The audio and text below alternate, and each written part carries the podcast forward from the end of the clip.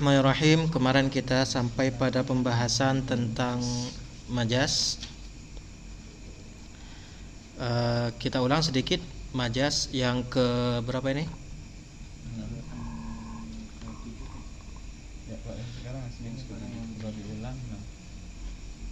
Oke. Okay. Bismillahirrahmanirrahim. Uh, yang kelima majas itu itlaku ismil mazum alal lazim. Menggunakan nama malzum sesuatu yang dilazimi ala lazim untuk sesuatu yang lazim. Nahu qauli ta'ala seperti firman Allah ta'ala Am anzalna alaihim sultanan fahuwa yatakallamu bima kanu bihi yushrikun. Atau pernahkah kami turunkan kepada mereka sultanan suatu uh, kekuasaan ya? Tapi di dalam ayat ini diartikan keterangan. Fahuwa yang mana sultan itu atau keterangan itu ya takallamu bima kanu berbicara apa sultan itu mengenai apa-apa kanu bihi yusyrikun yang mereka bihi dengan emma yusyrikun e, musyrik siapa mereka. Ay artinya anzalna burhanan kami menurunkan e, apa tadi keterangan-keterangan bukti-bukti argumen-argumen fahuwa yang mana argumen itu yadulluhum bahasa yatakallamu yang digunakan oleh Quran tapi yang dimaksud yadulluhum. Sumiyat dalalah disebutkan apa dalalah dengan kata-kata kalam. Kenapa? Li'annaha karena sesungguhnya dalalah itu min lawazimil kalam termasuk dari hal-hal yang lazim dari kalam. Kalam pasti bisa menjadi burhan. Yang digunakan malzumnya berupa kalam, tapi yang dimaksud adalah lazimnya. Dari kalam itu muncul burhan. Astadis yang keenam aksuhu kebalikannya. Nahu qaulihi ta'ala seperti firman Allah Ta'ala Hal yastati'u rabbuka ayyunazzila alaina ma'idah. Ini kisahnya Nabi Isa ya. Idh qala al-hawariyuna ya Isa ibn Maryam hal yastati'u rabbuka ayyunazzila alaina ma'idah. Ketika berkata siapa Hawariyun kepada e, Nabi Isa, hal yastati'u rabbuka apakah mampu Tuhanmu itu ayyunazzila alaina ma'idah untuk menghadirkan menurunkan kepada kita ma'idatan akan hidangan-hidangan. Ai artinya hal yaf'alu apakah Tuhanmu akan melakukan itu utliqal istita'a alal fi'li digunakan apa lafaz istita'a alal fi'li untuk menunjukkan fi'il. Kenapa? Li'annaha karena sesungguhnya istita'a itu lazimatun lahu. Ini kebalikannya tadi ya. Itlaku ismil lazim alal malzum. As-sabi yang ketujuh itlakul musabab alas sabab. Menggunakan musabab akibat alas sabab untuk menunjukkan sebab. Nahwu qaulihi ta'ala seperti firman Allah ta'ala yunazzilu lakum minas sama'i rizqa. Ini ada wawunya harusnya ya.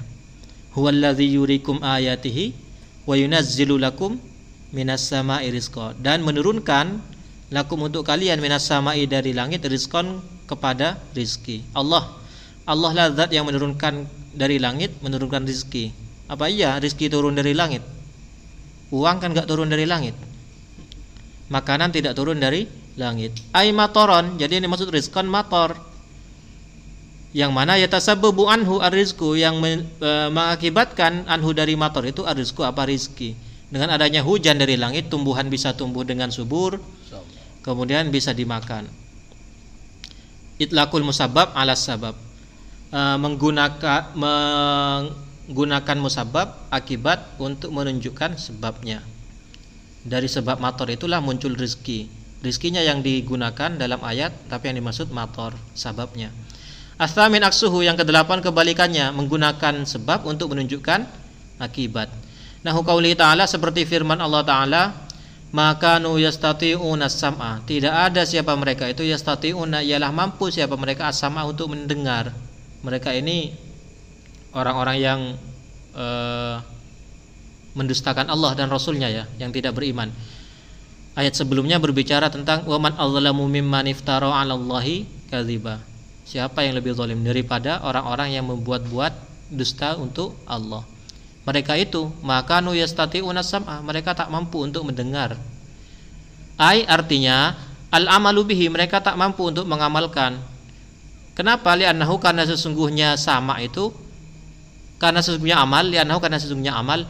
Musababun anis sam'i adalah akibat dari mendengar ketika kita sudah mendengar ayat mendengar suatu aturan maka kita baru mengamalkannya. Jadi pengamalan itu merupakan akibat dari kita mendengar suatu uh, penjelasan. Atasi yang kesembilan tasmiyatu syai' bismi makana alaihi, menamakan sesuatu dengan nama makan alaihi kondisi yang uh, telah lampau. Nah, qaulihi ta'ala wa atul yatama amwalahum dan berikanlah anak-anak yatim itu amwalahum akan harta-harta mereka.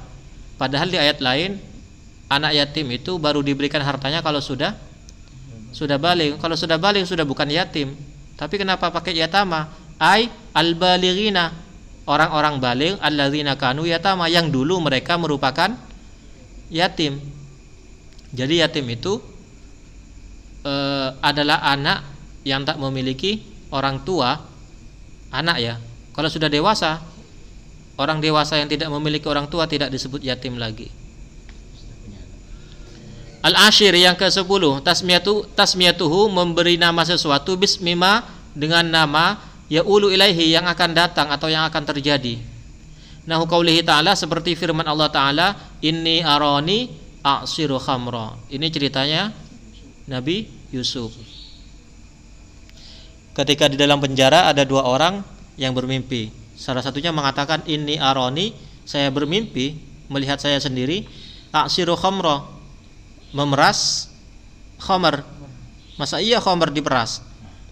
Ai inaban artinya yang diperas bukan khamar tapi inap. Ya ulu yang akan menjadi apa inap itu ilal khamri menjadi khamar. Jadi yang digunakan khamar tapi yang dimaksud adalah anggur, anggur inap. Tadi bismi makan alihi menggunakan nama masa lalunya, ini menggunakan nama masa depannya. Dalam bahasa yang lain itibaru makana dan itibaru mayakunu. Itulah kemudian salah satu contohnya juga itibari mayakunu innaka mayitun wa innahum mayitun. Engkau itu adalah apa mayitun? Orang yang akan mati ya. Walaupun bahasanya mayitun tapi maknanya akan mati bi'tibari ma yakun. Apa bedanya mayitun dan maitatun? Nah.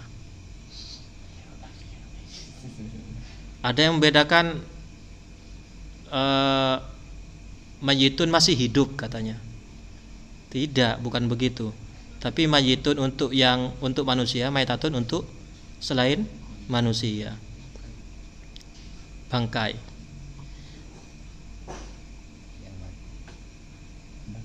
Nah, kenapa diartikan masih hidup innaka mayyitun? Ya karena itibari mayakun termasuk majas ini. Jadi makna aslinya mayyitun ya orang yang mati. Tapi digunakan di situ dengan itibari mayakun. Al-hadi asyara itlaku ismil hal menggunakan nama isi alal mahal untuk menunjukkan tempat. Yang disebut adalah isinya tapi yang dimaksud adalah tempatnya. Nah, qaulihi ta'ala fa fi rahmatillahi hum fiha khalidun. Maka di dalam rahmat Allah mereka itu fiha di dalamnya khalidun kekal. Ini ayat sebelumnya wa amalladzina biyaddat wujuhuhum fa fi rahmatillahi hum fiha khalidun. Apa yang dimaksud dengan fi rahmatillah? Ay fil jannah. Li'annaha karena sesungguhnya jannah itu mahalur rahmah tempatnya rahmah. Yang digunakan adalah isinya tapi yang dimaksud adalah tempatnya Asani asyara aksuhu nahu qaulihi ta'ala Yang kedua belas adalah kebalikannya Menggunakan nama tempat Tapi yang dimaksud adalah isinya.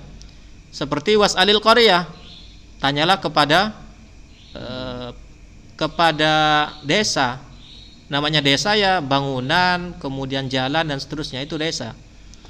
Ay ahlaha Yang disebutkan mahal Tapi yang dimaksud adalah isinya Hal Asalisa asyara tasmiyatu syai' bismi alatihi menyebutkan sesuatu dengan nama alatnya. Nahu qaulihi ta'ala waj'al li lisana sidkin fil akhirin. Dan jadikanlah untukku lisana sidkin lisan kejujuran fil akhirin bagi orang-orang yang akan datang kemudian. Yang dimaksud lisana sidkin ai kalaman sodikon ucapan yang jujur Kenapa balik anal lisan alatuhu? Karena lisan itu adalah alat untuk berucap.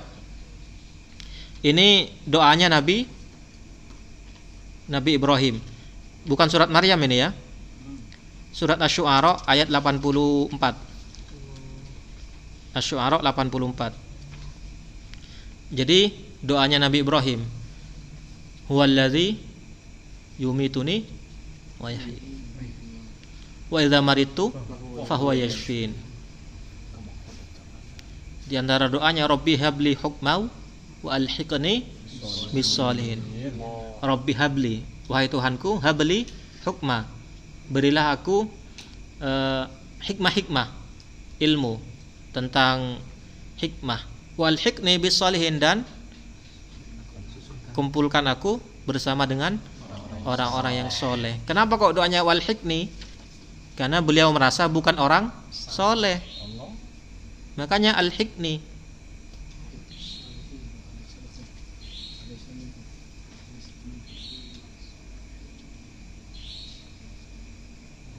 Nabi Ibrahim saja mengaku belum soleh ya. Dengan doa wal hikni bis.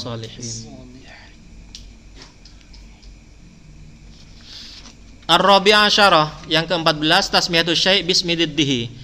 E, menamai sesuatu dengan nama kebalikannya. Ini sering terjadi ini. Kebalikan. Wah, cantik sekali tulisanmu. ya. Betapa gantengnya ya. Dalam bahasa Indonesia dikenal sebagai majas ironi. Ironi sangat ironis sekali.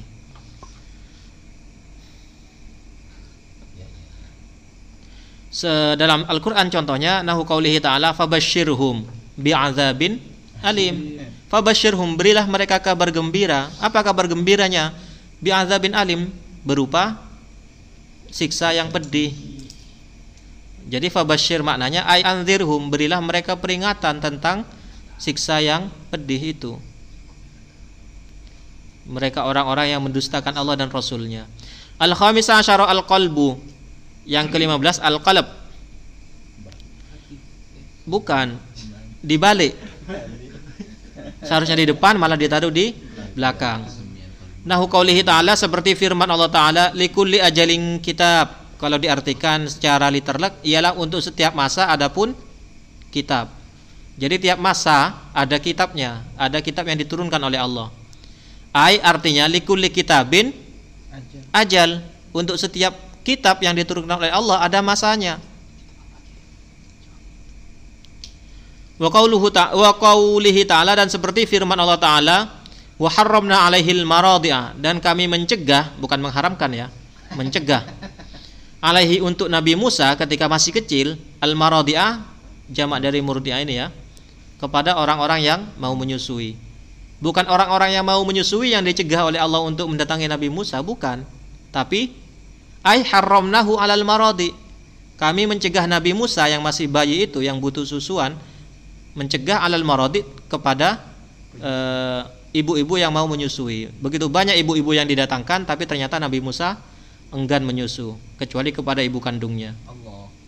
Bukan marodiknya yang dicegah untuk datang, bukan. Ini namanya al-qalb harusnya kan haramnahu alal maradi maradi malah dijadikan maf'ul pertama oleh ayat haramnahu alaihil maradi padahal harusnya maf'ul kedua.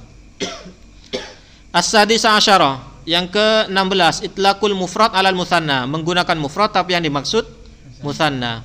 Nahu qaulihi ta'ala seperti firman Allah taala wallahu wa rasuluhu ahaqqu ayyurduh ini sebelumnya yahlifuna billahi lakum liyurdukum. Mereka bersumpah mengatasnamakan Allah lakum untuk kamu liyurdukum agar kamu merasa senang kepada mereka. Wallahu wa rasuluhu padahal Allah dan Rasulnya ahaqqu ayyurdu lebih berhak untuk dibuat senang. At-Taubah.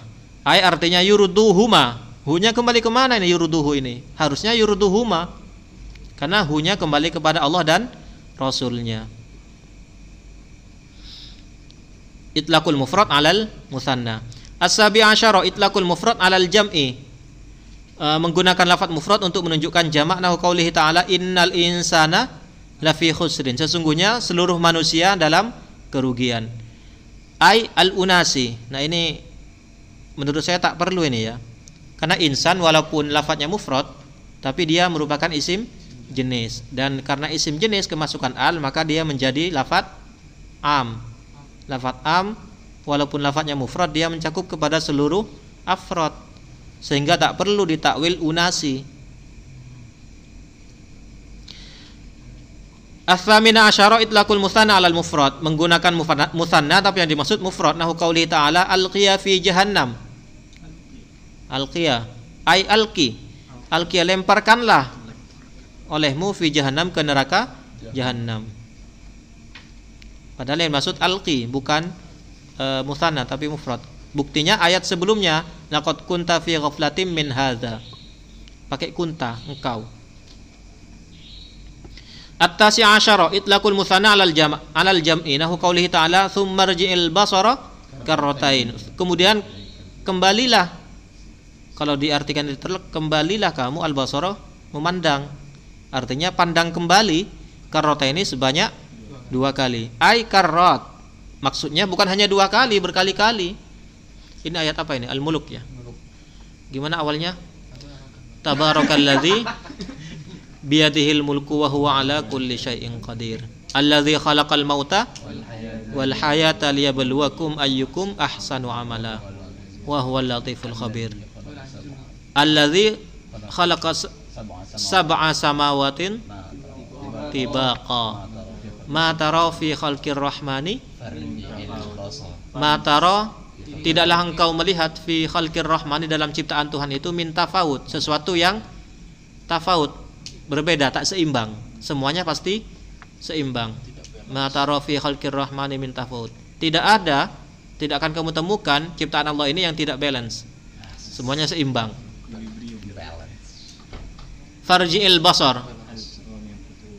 Coba pandang kembali perhatikan kembali. Hal taromi futur? Apakah kamu melihat uh, kejelekan dari ciptaan Allah itu? Sumarji'il bar sumarji'il basara ini kemudian coba pandang lagi. Yang qalib ilaikal basaru? Khasi'a wa huwa hasir. Jadi ciptaan Allah sudah sempurna ya.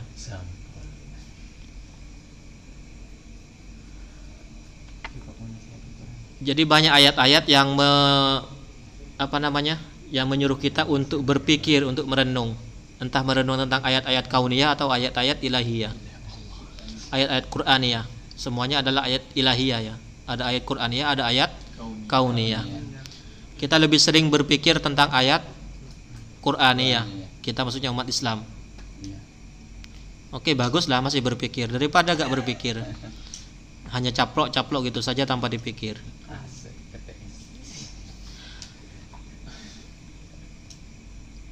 Jadi ada satu ayat yang menjelaskan tudillu bihi kasirau wa yahdi bihi kathiro. Ayat Al-Qur'an ini tidak hanya membuat orang lain menjadi mendapat hidayah, tapi bisa yudillu bihi. Kalau digunakan dengan tidak benar bisa sesat. Termasuk bagi orang-orang kufar kan e, dalam kitab kitab tafsir ayat Al-Qur'an hadir justru membuat mereka tambah ingkar. Yudillu bihi kathira Al-ishrun itlaqul jam'i 'alal mufrad menggunakan lafaz jamak untuk mufrad nahu qauli ta'ala qala rabbirji'un. Qala berkata siapa? Orang kafir yang sudah hampir mati itu irji'un. Ya Rabbi irji'un. Wahai Tuhanku, kembalikan aku hidup kembali di dunia. Ai irji'ni. Irji'un kan jamak ya. Padahal kembali kepada Rabbun. Ai irji'ni Al hadi wal ishrun itlaqul jam'i alal musanna menggunakan jamak untuk musanna. Nah, qouli ta'ala in tatuba ilallah faqad sagat qulubukum. Jika bertaubat siapa mereka berdua nabi dan istrinya bertaubat kepada Allah faqad sagat maka sungguh condong qulubukuma apa? Eh, hati-hati mereka berdua. Pakai qulubukuma padahal maksudnya qalbakuma dua hati mereka berdua. Asani wal ishrun itlaqul madi alal mustaqbal menggunakan sigot mati untuk menunjukkan mustakbal. Kenapa? Litahakkuki wuku'ihi karena pasti terjadinya. Nah, qaulihi ta'ala ata amrullah telah datang padahal belum tapi akan akan datang. Karena kedatangan eh, ketetapan Allah atau hari kiamat itu pasti sehingga diberi digunakanlah fi'il madhi. Seakan-akan sudah terjadi. Kenapa kok menggunakan seakan-akan sudah terjadi? Karena pasti akan terjadi. Sesuatu yang sudah hampir pasti kadang kita mengatakannya sudah terjadi, iya. Sudah tugasnya. Sudah Ustaz. ya. Tinggal di print. Sudah Ustaz menggunakan fi'il mati padahal yang dimaksud fi'il mudhari akan selesai. Akan sudah. Kenapa kok begitu? Litahakkuki wuku'ihi karena pasti kalau sudah waktunya pasti selesai.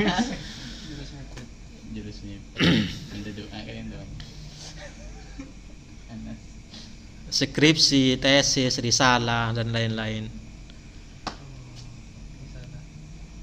Makalah ya. As-salisu wal ishrun aksuhu kebalikannya itlaqul itlaqul mudhari untuk menunjukkan madi. Kenapa? Lifadatihi ad-dawam karena memberi faedahnya fiil fiil tersebut kepada makna dawam wal istimrar. Nahu qaulihi ta'ala seperti firman Allah Ta'ala wattaba'u ma tatlu syayatinu ala mulki Sulaiman. Dan mereka ikut kepada apa-apa tatlu syayatin yang membacakan untuk mereka siapa? Eh. Yang membacakan. Kembali ke mana? Wattaba'u ini ya? Mereka siapa ini?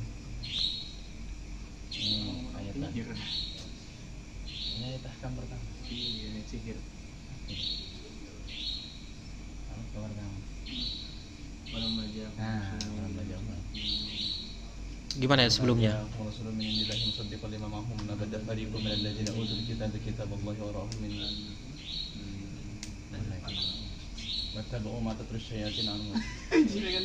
Umatnya Nabi Musa ya, enak umatnya Nabi Sulaiman. Wattabu dan mereka ikut ma kepada apa-apa tatlu asyayatinu yang membacakan siapa setan-setan itu kepada uh, Raja Sulaiman. Artinya tatlu apa? Ayat talat. Pakai fiil mudhari tapi yang dimaksud adalah fiil madi yang akan mereka bacakan. Padahal telah dibacakan.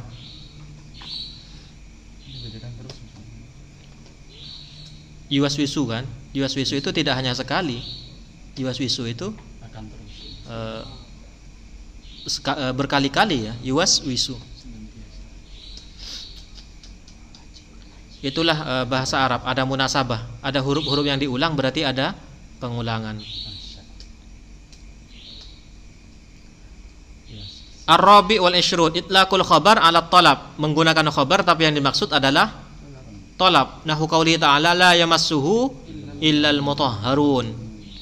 Tidak menyentuh kepada Al-Qur'an itu kecuali orang-orang yang bersesuci. Ini kan hanya mengabarkan, tidak menyuruh, tidak melarang ya. Tapi walaupun mengabarkan maknanya adalah tolak. Sama dengan wal mutallaqatu yatarabbasna bi anfusihinna salasata quru. Itu kan khabar bukan perintah. Wanita-wanita yang ditolak itu harus menunggu selak, bukan harus ya. Wal mutallaqatu adapun wanita-wanita yang ditolak yatarabbasna menunggu siapa mereka? Bi anfusihinna dengan diri mereka sendiri salasata quru selama tiga quru. Kan bukan perintah namun kalam khobar yang bimakna tolap ini lebih kuat daripada amar. Kalam khobar yang bimakna amar lebih kuat daripada amar biasa. Kenapa? Coba kalian baca nanti di tafsir Al-Misbah tentang surat tentang ayat tadi wal mutallaqatu itu. Kenapa kok lebih kuat? Karena kalau khobar kemudian ternyata ada salah satu yang tidak sesuai dengan apa yang dikabarkan oleh Allah seakan-akan dia mengatakan khobar yang telah diberitakan Allah salah seakan-akan mengatakan khobar yang telah diberitakan Allah keliru oleh karenanya amar yang dihasilkan dari kalam khobari lebih kuat daripada amar uh, yang dihasilkan dari amar biasa Al khamis wal ishrun aksuhu kebalikannya. Sigat talab tapi yang dimaksud adalah khabar. Nahu qaulihi ta'ala falyumdid lahur rahmanu madda. Ini tentang orang yang sesat ya. Falyumdid lahur rahman, maka memanjangkan lahu baginya ar-rahmanu siapa Allah madda dengan benar-benar panjang. Masanya di dalam siksaan. Maksudnya falyumdid ini kan fiil madi yang kemasukan lam lam amar. Harusnya maknanya tolap, tapi ternyata eh, yang dimaksud bukan tolap, tapi ya muddu. As-sadis wal ishrun wat ujumlatil wat jam'il killah mau di al kasra menempatkan jamak killah di tempatnya uh, jamak kasra. Nah qauli ta'ala Allahu yata Allahu yatawaffal anfus. Allah lah yang mewafatkan anfus. Orang-orang yang punya nafas. Anfus. Harusnya anfus ini kan jamak killah ya. Harusnya pakai jamak kasra. Karena tidak hanya sebagian kecil orang yang eh, apa namanya nyawanya berada di tangan Allah. Semuanya. Asabi oleh syurun aksuhu kebalikannya. Contohnya ya tarobbas nabi anfusihinna salah satu kuru harusnya salah satu akro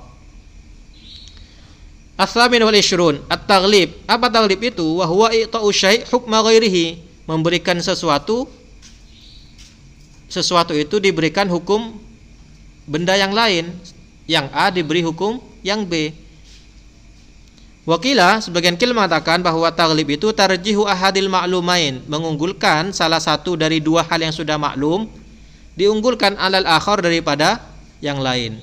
A dan B sama-sama maklum, kemudian yang diunggulkan adalah yang A. Wa itlaqu lafzihi dan menggunakan lafat ahad yang sudah unggul itu alaihima untuk keduanya. Ijra'an sebagai pemberlakuan lil mukhtalifain terhadap dua hal yang berbeda majral muttafiqain sebagaimana dua hal yang sama. Menggunakan salah satu lafat untuk menunjukkan dua hal yang berbeda seakan-akan dua hal yang berbeda itu adalah satu hal yang sama. Ini banyak eh, banyak sekali dalam khitab-khitab Al-Qur'an ya. Untuk menunjukkan laki-laki dan perempuan dipilihlah khitab untuk laki-laki. Seakan-akan laki-laki dan perempuan sama. Itu mimbabit taglib. Jadi jangan kemudian mengatakan gak ada ketentuan bagi perempuan dalam Al-Quran.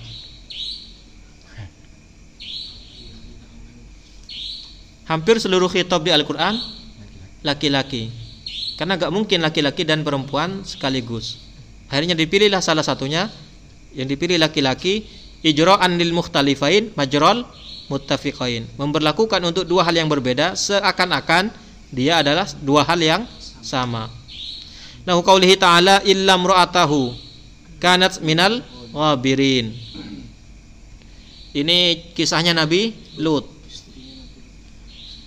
Fa'anjainahu ahlahu. Kami menyelamatkan Nabi Lut dan keluarganya illa mra'atahu kecuali istrinya. Kanat ada siapa istrinya Nabi Lut itu minal ghabirin harusnya minal ghabirat.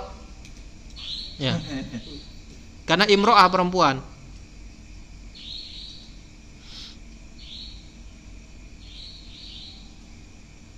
Fa'uddatil unsa minal muzakkar maka dianggap siapa unsa itu bagian dari muzakkar bihukmit taglib.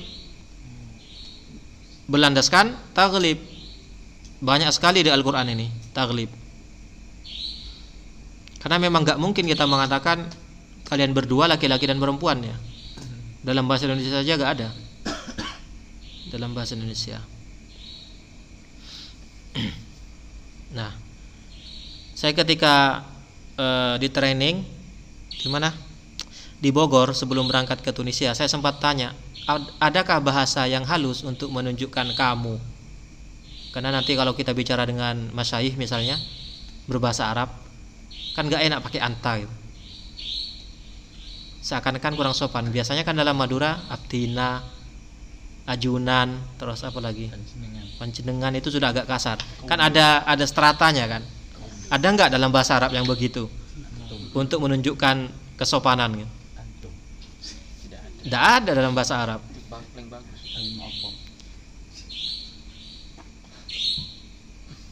Jadi bahasa Arab itu menunjukkan egaliter ya. Tidak ada strata dalam bahasa Arab. Beda dengan bahasa Jawa, bahasa Madura menunjukkan strata. Buduun gula. Putra ajunan. Gula muncul.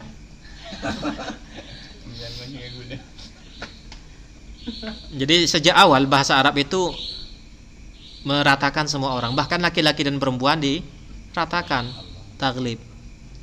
Lalu kenapa kok pakai redaksi laki-laki? Ya tagliban saja.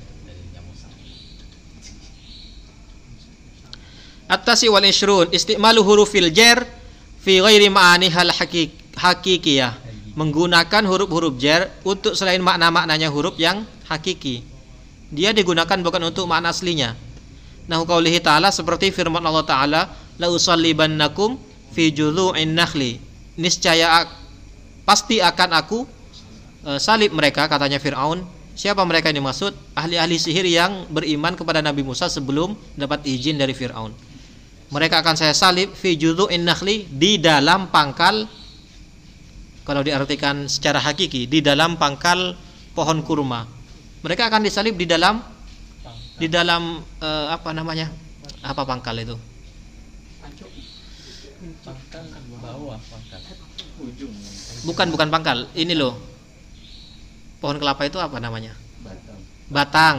Ah.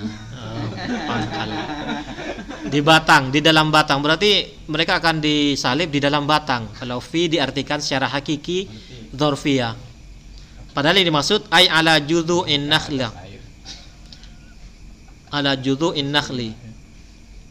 Inilah yang kemudian yang banyak salah menggunakan redaksi. Di jalan-jalan kita temukan misalnya dilarang buang sampah di sini. Oh berarti kalau buang sampah di sana tapi ke sini nggak apa-apa. Yang dilarang buang kan di sini. Tapi membuang dari sana ke sini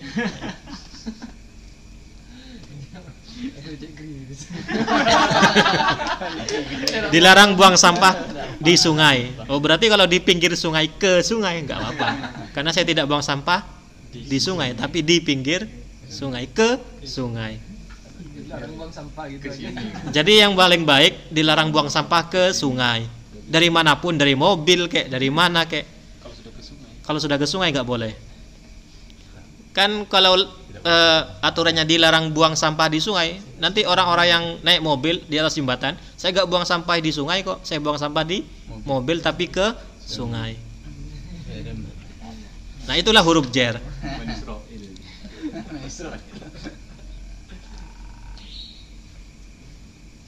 Huruf jer itu sangat susah ternyata.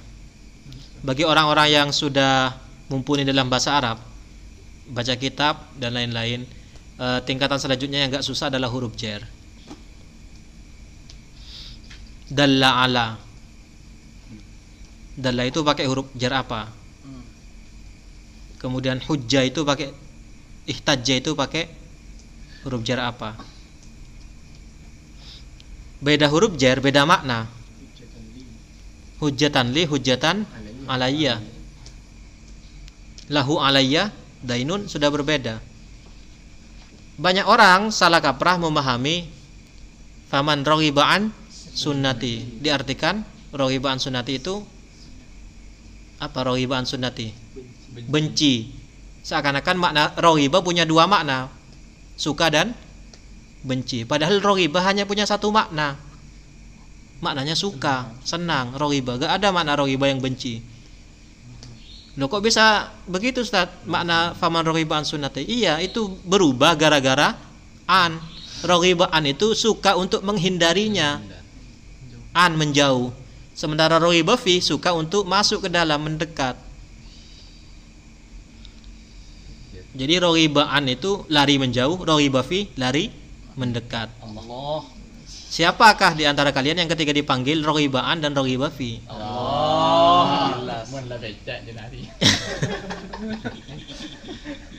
Jadi makna rohiba ya satu, suka. Tapi yang membedakannya huruf jar.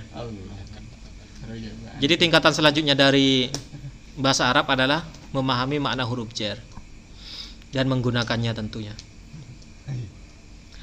As-salasun yang ke-30 istimalu sighati if'al li ghairil wujub. menggunakan sigot if'al kepada selain wujub wa sigot la taf'al dan sigot la taf'al li ghairi tahrim untuk selain tahrim. If'al kan harusnya wajib, tapi ada yang digunakan bukan untuk wajib. La taf'al harusnya haram, tapi ada yang digunakan untuk tidak haram. Contohnya kulu washrobu. Ini kan mubah.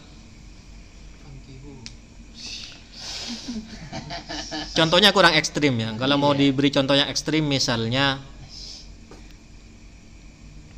if al masyitum fa inna masirakum ilan nar. Itu fi'il amar tapi maknanya tahrim. Bukan ibaha, tahrim. Ada seorang anak kecil maksa minta eh, mandi apa minta izin mandi hujan nggak diizinin ya. Maksa terus. Kasalah cong, mandilah cong, mandi cong. Itu perintah. Tapi apakah bermakna wajib? Jadi tidak selamanya perintah di Al-Quran harus dilakukan. Itu pernah jadi judul ya. Pernah jadi judul di tulisan website Mahatali. Tidak selamanya perintah itu harus dilakukan. Ada beberapa perintah dalam Al-Quran yang harus ditinggalkan. Contohnya tadi, if alu masyitum ilan. Apakah akan dilakukan? Sama dengan latas alu an asya'a intu badalakum tasukum. Bukan larangan ini, bukan tahrim, tapi saran. Saran. Saran. Sebaiknya cek tanya mun eh jawab pas sosa. ya. Jangan pernah mempertanyakan sesuatu yang kira-kira jawabannya akan membuatmu susah, patah hati, sakit hati. Nah, Oh,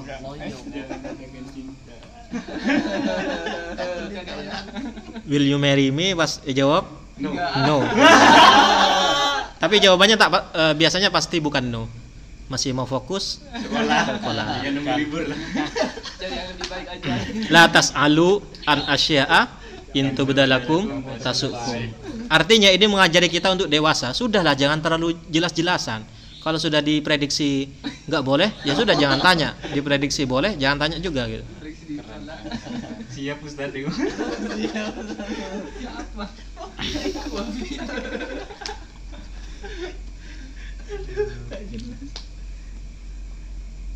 Anjay. Tidak semua fi, tidak semua fi'il nahi di dalam Al-Qur'an harus ditinggalkan ya. Sebagaimana tidak semua fi'il amar di Al-Qur'an harus dilakukan. Iya iya. Ini jangan sampai dilupakan. Karena banyak orang yang hanya melihat zahiril ayat amar ya dilakukan. Untuk memahami Al-Qur'an memang tidak cukup dengan eh, apa? kosakata bahasa Arab. Harus paham tentang balaghah ma'ani. Untuk memahami pesan sebenarnya kan perlu itu. Karena banyak sindiran-sindiran di Al-Qur'an. Bagi orang-orang yang tak paham tentang balaghah ma'ani dan lain-lain, nggak akan memahami sindiran itu. Ya. Maka seharusnya orang yang sudah belajar tentang majas dan seterusnya ini bisa lebih memahami apa itu sindiran. Eh, sindir sakuni lah paham gitu. Tak perlu las jelasan. Makanya semakin dewasa orang semakin sedikit ngomongnya biasanya ya. Artinya semakin sedikit ngomong sesuatu yang tegas-tegas gitu. Biasanya omongannya sindiran-sindiran.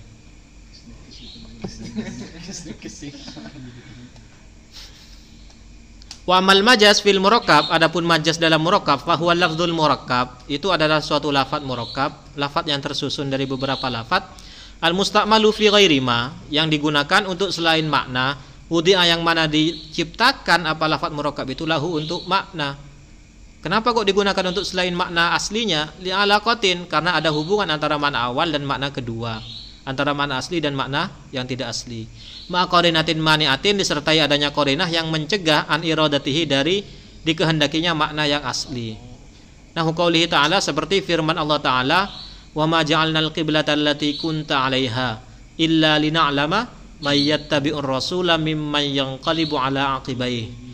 Wa ma ja'alna dan tidaklah kami menjadi, menjadikan al-qiblata kepada kiblat allati kunta yang engkau dulu pernah 'alaiha menghadapnya kunta ya. Dulu engkau pernah. Kuntu muta'alliman. Saya dulu seorang pelajar. Sekarang Sehingga ketika ditanya apa maknanya koma Zaidun, dijawab oleh Ustaz Nurul Zalam, Zaid sudah tidak berdiri.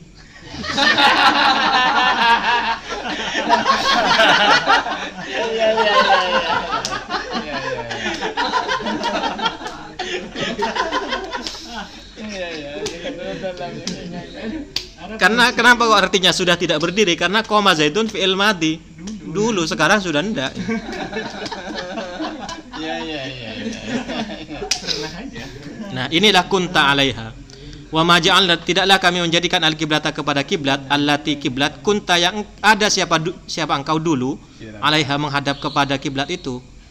Illa lina'lama kecuali untuk mengetahui siapa kami man kepada orang-orang siapakah yattabi'ur rasul yang mengikuti rasul mimma yang kolibu dan juga untuk mengetahui siapakah yang kolibu yang berbalik ala akibaihi kepada dua tumitnya. Artinya meninggalkan rasul ini kisah tentang eh, perpindahan kiblat ya. Dengan berpindahnya kiblat itu ketahuan siapa yang benar-benar percaya dan iman kepada Nabi seput- eh, seutuhnya sepenuhnya dan siapa yang eh, tidak. Fasyubbihat lalu diserupakan hayatu man yartaddu apa kondisi orang yang murtad murtad anil Islam dari Islam wa yarji'u ilal kufri dan kembali kepada kekufuran diserupakan mihayati may yang qalibu ala akibai ala akibai ini ya. Dengan kondisi orang yang qalibu yang berpaling ala akibai di atas kedua tumitnya. Bijami'ir rujuk dengan eh, benang merah sama-sama kembali kembali ila ma ja'a huwa minhu kepada kondisi semula. Kepada kondisi semula. Majlis murakkab. Oke ada majlis yang disebut juga tasbih ya majlis tasbih. Tasbih itu menyerupakan sesuatu dengan yang lain. Tasbih itu lebih banyak dipelajari dalam eh, ilmu balaghah. Dengan tasbih kita menjadi paham bahwa menyerupakan sesuatu dengan yang lain karena ada satu kemiripan. Bukan lantas mirip dalam segala hal. Bukan lantas mirip dalam segala hal. Dengan tasbih pula kita bisa lebih memperindah eh, kalimat. Dalam tasbih itu kan ada ses, ada wajhud syibih ya. Ada alatut tasbihnya huruf tasbihnya ada musyabbah bi ada musyabbah ada empat. Semakin sedikit komponen yang tersebutkan semakin semakin balik semakin indah. Engkau bagai purnama. Itu masih kalah dengan mengatakan engkau adalah purnama. Anta syamsun anta badrun. Oleh kalangan zahiriyah wah ini kafir ini. Padahal itu adalah eh, ada sisi balaghah ada huruf tasbih yang dibuang. Semakin banyak dibuang semakin eh, semakin indah. Oh ini ternyata ada tasbih. Al faslul khamis fit tasbih wa tasbih apa tasbih itu? Huwa dalala ala musyarakati ala musyarakati amrin li amrin fi maknan a- adalah penunjukan ala musyarakati amrin atas samanya sesuatu sama li amrin dengan sesuatu yang lain. Nakiroh kalau diulang menjadi dengan nakiroh maka yang pertama bukan yang kedua. Samanya sesuatu dengan sesuatu yang lain. Fi maknan dalam satu aspek. Bi alatin maksusatin menyamakan itu dengan satu alat tertentu. Misal dalam Al-Qur'an tsumma qasat qulubukum mim ba'di dzalika fahiya kal hijarah. Kemudian menjadi keras qulubukum apa hati-hati mereka mim ba'di dzalika setelah hal tersebut. Fahiya hati itu kemudian kal hijarah sama dengan batu. Au asyaddu qaswah atau bahkan lebih keras. Lebih keras. Ini kondisi hati orang-orang yang ingkar kepada Nabi ketika mendengar ayat Al-Quran. Padahal ayat Al-Quran itu kalau diturunkan kepada gunung yang begitu keras, gimana? Akan hancur berkeping-keping. Tapi tak mampu menghancurkan hati orang. Gimana ayatnya? Walau anzalna hadzal Qur'ana ala jabalin la ra'aitahu khashi'an mutasaddian min khasyatillah. Gunung yang begitu kokoh keras saja akan melunak seandainya diturunkan Al-Qur'an. Nah, ini Al-Qur'an turun untuk orang-orang eh, Mekah, malah hati mereka tidak menjadi lunak. Au asyaddu qaswah. Al-Faslus Sadis, pasal yang keenam, fil kinayah. Nah, ini kinayah ini.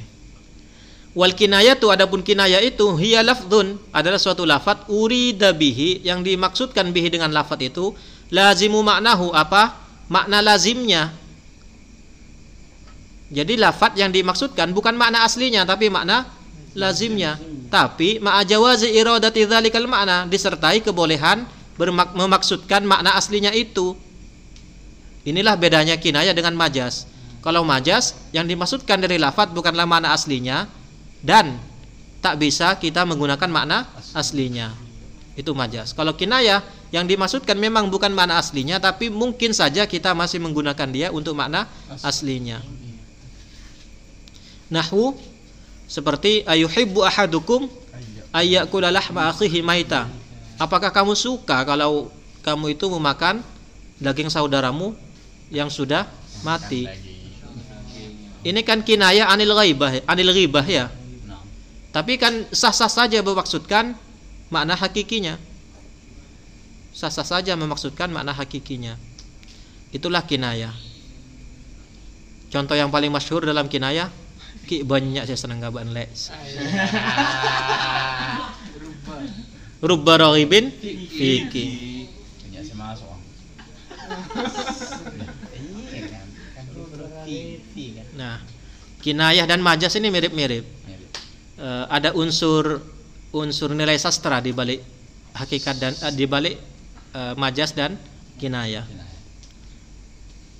Pertanyaannya bagaimana kita menjawab orang yang terlalu lebay hingga banyak menggunakan majas?